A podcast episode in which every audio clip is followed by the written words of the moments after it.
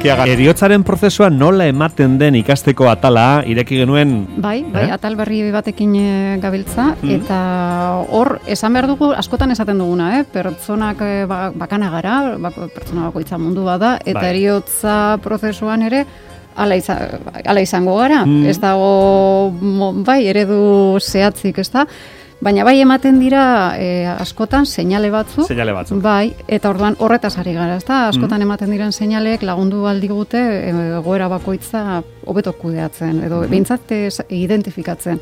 Aurrekoan hitz egin genuna san e, eriotza hurbil e, dela adirazi dezaketen seinaleak zeintzu diren eta gaurkoan hitz egingo duguna da ilurrentasuna adirazten duten seinaleak zeintzun diren, ezta?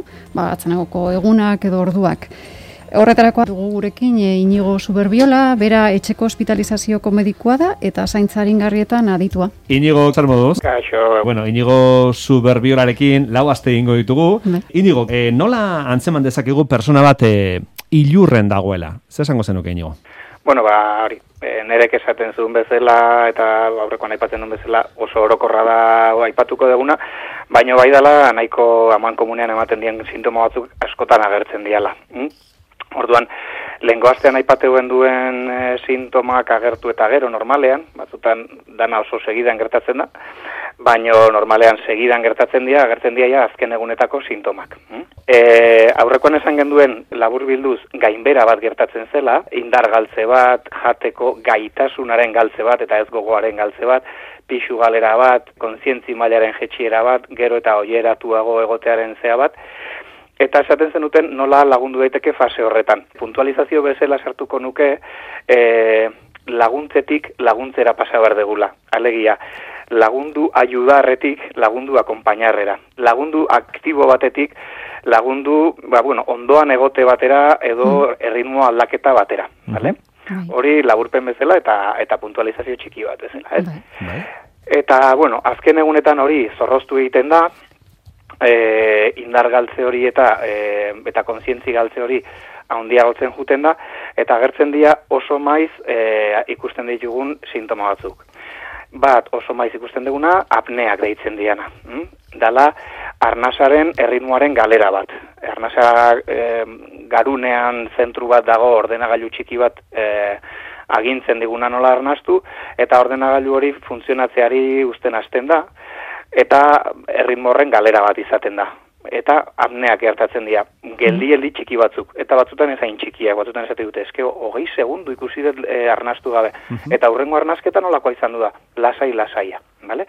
E, ez da izaten itxolarri bat, eh? hor mm argitzea gustatzen zain neri, bada jende apneak aspalde dituna, zurrunga egiten duna, eta bai. zurrunga ka ari dala apnea bat egiten duna, mm baina hurrengo arnasa itxolarriakin bezala izaten da, ure, urazpitik ateako balitz bai. bezala, mhm. eh? e, zurrunga egiten duen pertsona batean. Eta hauetan izaten da, atzetik ordenagailutik datorren agindu falta bat ordun, mm, agindua jasotzen nahi geha, eta horrelako batean, arnaz hori, ordena, agindu hori falta da. Eta jendeak esan du, ui, ez du arnaztu ez? Mm. Erdilo, erdilo kartu da pertsonatean, e, arnaz bat falta da. Eh? Gehiagotan izaten da gauean, gehiagotan izaten da lotan dauden momentuetan, baina egunez eta inkluso konstiente edo erdiesna ere ikusi daitezke, bale? Mm Hori oso maiz ikusten dugun e, sintoma bat da. E, esaten duen bezala apenas jaten duen e, pertsonak izaten daia ja azken egunetan, ezin dutelako, e, edan ere ia gutxi edo ezerrez, eta azten dia txixa oso gutxi egiten. Mhm. Normalean, familiaren argumentu izaten da, eske jatez badu eta edatez badu, nola egingo du txixa, eh? Baino, e, gertatu izan zaigu, basueroekin eta edo azken egunera arte edandun jendeagan ere, giltzurrunak funtzionatzeari usten diolako da, eta orduan, edan arren, edo sueroekin egon arren, e, giltzurrunak funtzionatzeari usten dio, eta ba, txixa dute egiten, askotan pardelarekin egoten egea azken egunetan, eta pardela lehorra dago. Mm -hmm. e, konzientzi maila horren desagerketa hortan, askotan ikusten ditugu, agitazioak, amets gaizto antzeko mugimenduak eta, eta hor sartuko gineke, e, ba, sanitarioak, medikuak, ba, medikazio bidez edo hori lasaitzea. Ez? Baina batzutan familia gehiago lasaitu dezake medikazio batek baino, eh? ondoan egon, mm. eskua eman, lasai hemen nago. Lehen esan duzun akompainamentu hori ez da inigo? Hori da, mm. eh? Hortarako bakoitzak bere lasaitasun auki behar du, eta, bueno, ba, askotan, e, bueno, ba, familiko esperientzi gehiena daukenak, edo, hortan e, jaioagoa dia, ba, ikusi dutelako, ba, lendik, e, bezakit, ba, beraien, askotan jende helduak, ba, beraien gurasoak, beraien amonak, eta, eta badakite, ba, bueno, e, erligioa sinisten dutenak, ba, ondoan errezuekin, edo bestela, e, bueno, siniste ez dutenek, ba, musika lasaia jarriaz, giro mm. lasaia jarriaz, batutan medikazio hori gabe, agitazio horiek eta ba, amezgaizto antzeko fase batzuk izaten dira, e, ba, bueno, ni adibidez dela esaten dute, pues, erdi lo ikusi barrian, erdi ameiz gaiztotan ikusten dute e, beraien familiekoa, eta, bueno, ba, hor laguntza hori hori izan leike medikazioakin edo medikazio gabe. Mm Eta azken azkenetan ere askotan agertzen dira estertoreak deitzen dianak. Ah. Bai. Hori ere konsientzi mailaren galera e, sintoma bat da, e, eta hori esplikatzea ez da errexe izaten. E, estertoreak dira e, arnasean mm, txistu soinu bat entzutea bezala. Osa, eh? zurrungaren antza dauka. Eh? Mm eta hau ere, arnasa faltaren arekin bezala, konzientzi faltaren sintoma bat da. Alegia, e, gure ahoak, e, gure arnazbideek beti produzitzen duten mukosa txistu antzeko bat, eta konturatu gabe kontinuo aigea hori tragatzen edo mugitzen, ez? Hola, mugimendu txiki horiekin konsientzi maila geizten danean hori ez da egiten, eta ahoan produzitu dan txistu pixka-pixka hori hortxe dago. Eta arnasak pasatzeakoan soinu ateratzen du. Baina ez dugu ikusten, gondoan dakagun pertsona, molesto dagoenik. Ez dugu ikusten, arnaz estuarekin dagoenik. Eh? Ez dugu ikusten, itxolarri leno esan dizuten urazpitik ateratzeko sentsazio mm. arnazoiek e, beharrarekin ingo badia bezala, ez? Orduan, mm bueno, hau igual izaten da zailenetakoa esplikatzen, ze jo, soinuarekin entzun, zure senitartekoa eta sinistea lasai dagola. Estertorea esan duzu, ez da, ditzen zaioni teknikoki ez? Bai, bai.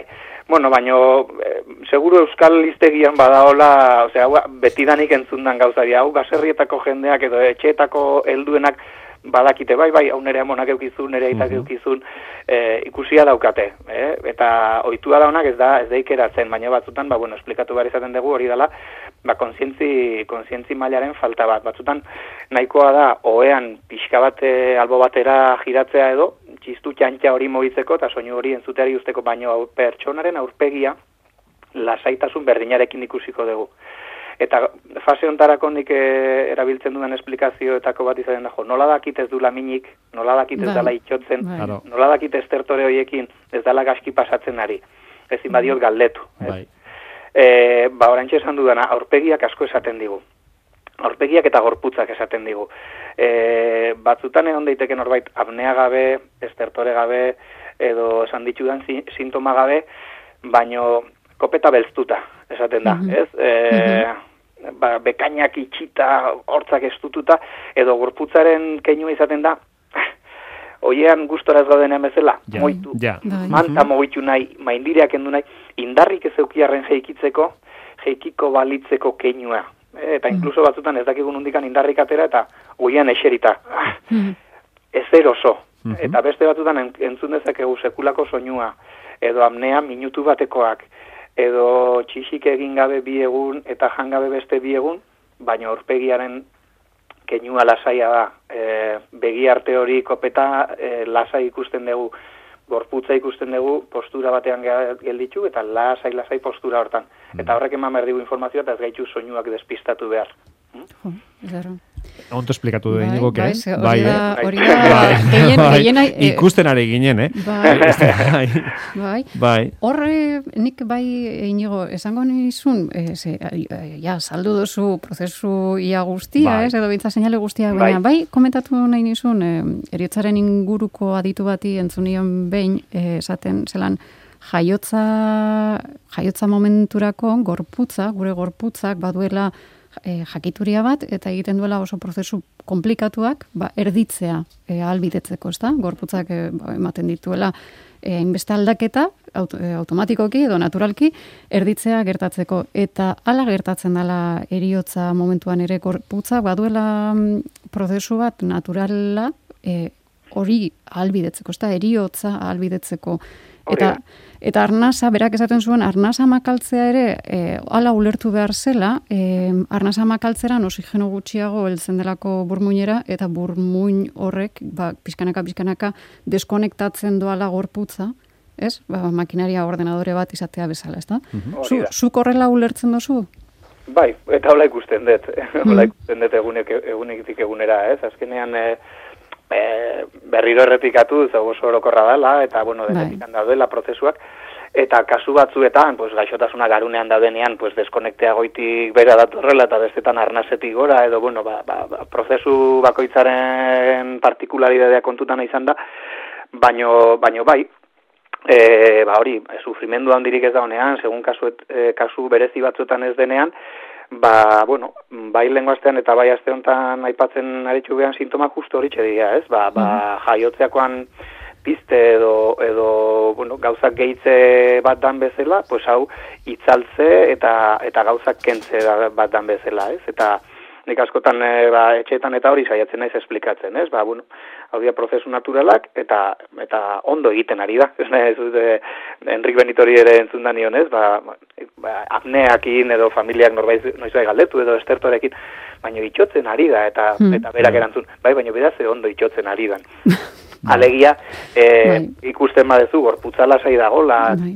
e, arpegiaren keinua lasaia dela, eta Bai, ari da gero eta arnaz gutxiago hartzen, ze egun batean edo momentu batean arnazik hartuko ez badu, bat ere, e, pasa behar du, arnaz gutxi edo gutxitze mm. hortatik ez, eta ondo egiten ari da, ez? E, da, kontua da ulertzea, normal egiten ari dan, eta sufrimendu ez hori bai. e, ikusten ari gean. Eta ikusi egiten da, eh? nik uste etxetan eta esplikatzen dugunean, eta bida, atzo hola zegon, ez, ba, mugitzen edo, tal, edo, kopeta bestuta, eta gaur ez dago, ez, lortzen badegu, ez, ba, mm. familiaren lasaitzeakin, e, beraiek egindako laguntza guztiarekin, edo batzutan medikazioarekin, jo, ba, bai, atzo baino lasaiago ikusten dut, ez, eta amneak berdin egiten ditu, ez, ba, bai, amneak berdin egiten ditu, edo gehiago, ba, bueno, hori da, pixka bai. diferentzia bai. ulertzea, ez, ba, itzaltze hori, edo galera txiki horiek, ez ikustea sufrimendu bat bezala. Hor gehon daiteke sufrimendua edo ez. Eta bai. batutan da, ai, ai, ai, eta bulaka, eta, bai. eta, eta kopeta beztu horrekin, eta hor e, egin dezakegu,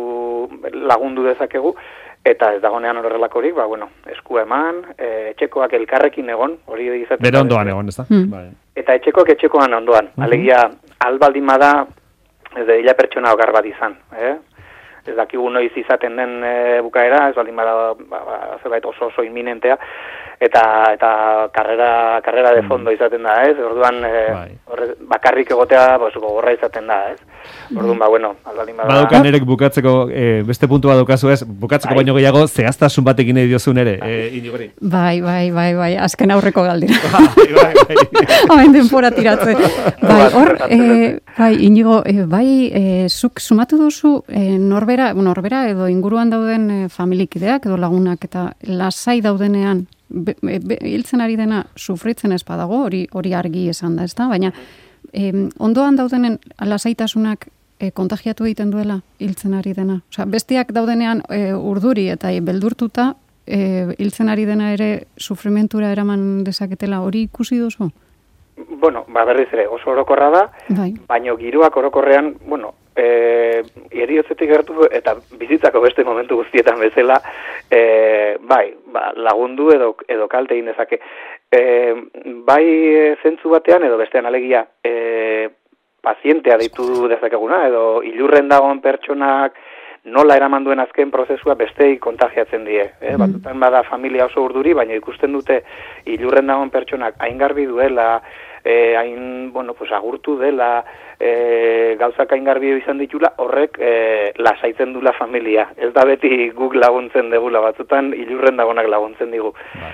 Eta, eta bai, eta bestetan ba, familiak ba, oso garbi baldin badauka, elkarri ondo laguntzen ari gehan eta horrek noski, noski laguntzen du. Bata besteari, ilurren ez dagonak ilurren ez dagonari, eta ilurren dagonari ere, bai, jartzen dizu mm. mazikala, sai, aguten zea, mm puten zean bakoitzen e, sentitzen bazaitu urduri eta bildurtuta eta bueno, laguntza lagunduko dezu noski, baina bai. baina pixka gehiago lagunduko dezu, pues lasaiago bali mazaude eta mm. Hemen entzule bate WhatsAppen idatzi du gure ama zendu zen eta orain esaten ari zareten guztia berdin berdin gertatu zitzaion berari sintomatatik hasi eta azken momentura arte, e, identifikatzen ditut amaren azken egunak. E, inigo aipatu ditugu e, ilurrentasunen ematen diren hainbat fenomeno eta gero e, ilurren daudenen artean sarritan e, ematen omen da e, ordura arte ia kontzientzia gabe egon den persona bat esnatu eta guzti zargi egoten den tartea. E, zuk horrelakoak sarritan ezagutu izan dituzu? Bueno, horri buruz irakurri dut eta tokatu zaizkit, baina ez da sarritan gertatzen den gauze bat. Eh, azken azken momentuan esnatu edo, bueno, goratzen nahi zuen dela ez gehiegi Alzheimerra zuen emakume bat eta familikoen izenak eta aztuta zituena eta azken egunean hilobari galdetu zion bere nobioagatik, izen guztiak zuzen esan zitun, etxeko guztiekin hitz egin zuen, eta arratsalde hortan sintoma bat gabe, e, inungo sufrimendurik gabe, logeatu zen eta eta hil zen. Olako fenomenoak tokatu zait ikustea, baina egia da, bueno, nik da makidan, den, lanean da makidan moran, ez dela ere oso oso maiz ikusten den gauza bat, baina bai, inkluso medikazioarekin, sedazioarekin egon da eta eta momentu batean esnatu, eta inkluso gauza koherente, koherente bat esan, edo, bueno, azken konversazio txo bat eduki, bai, tarteka, tarteka tokatu izan zait. Ez maiz, baina bai, tarteka tokatu izan zait, bai. Bueno, zenba gauza ikasi ditugu niño Bai, superbiolarekin. Eta berriro diogu, eh? E, etxean dagoenak eta, bueno, segurazki pentsatuko du, ba, ni horrelako egoera batean egokitzen baldin banaiz, egokituko zaiz, mm. bizitza luzea da, eta egokituko zaizki horrelako momentuak, e, historian dagoen persona baten ondoan egon behar izatea, laguntza orokorra da, jendari esan bertzaio hori, ba, akompainamendu bat egin behar dugula, ondoan egon behar dugula, ezta? Inigo hori da idea nagusia zuk hasieran ere esan duzuna, ezta? Bai, e, fizikoki noski ere inbarko diala gauzak, Bai. e, baina, bueno, ba hori, e, ailatzen da azken, e, azken momentu hau, ba, ba, ba, bueno, laguntza e, giro batetik bestera eraman behar dana. Bai. Oso ondo. Inigo zuberrio, eskerrik asko, esarka da aztena pasa. Eh? Eskerrik asko inigo, Nere, atorna zen segiko dugu. eskerrik asko Manu. Aztena pasan ere, Bardin. aio, aio, aio, gerarte.